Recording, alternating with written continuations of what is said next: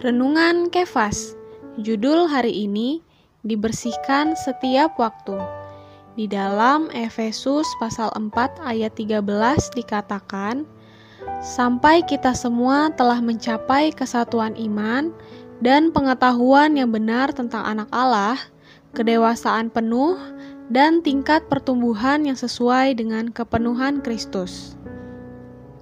Sobat Kefas, Meskipun ketika kita beroleh selamat, seluruh diri kita telah disuci bersih oleh Allah, tetapi ternyata setelah itu kita masih perlu pencucian lebih lanjut loh. Hal ini disebabkan karena kita masih hidup di dalam ciptaan lama. Tubuh kita yang belum tertebus membuat kita masih bisa jatuh dan berdosa. Di satu pihak, Perlu hayat Tuhan supaya kita semakin terlepas dari hayat ciptaan lama, sampai tubuh kita tertebus dan ciptaan baru menelan semua ciptaan lama. Di pihak lain, perlu darah Tuhan sewaktu-waktu mencuci dosa kita, memulihkan kesucian kita di hadapan Allah.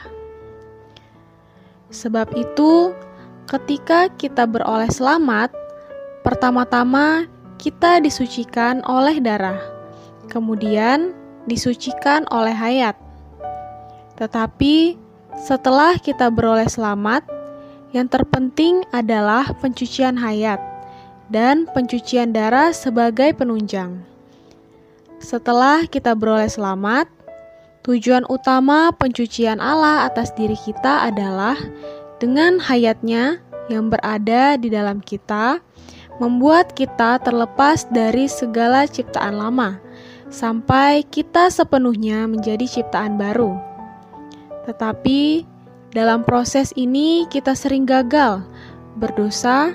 Sebab itu, Allah tetap dengan darahnya dan dengan hayatnya saling menunjang sewaktu-waktu untuk mencuci kita.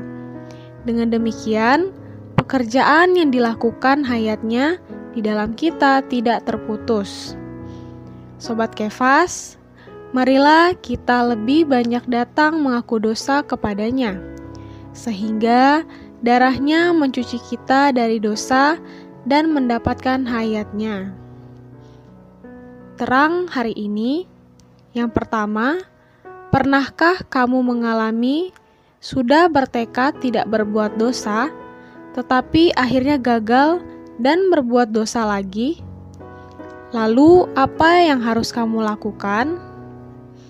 Yang kedua, apa yang Tuhan inginkan di atas diri kita setiap waktu? Poin doa: berdoa agar Tuhan memberikan kita hati yang terus datang kepadanya, mengaku dosa, dan dibersihkan dengan darahnya, serta mendapat hayatnya. Tuhan Yesus memberkati.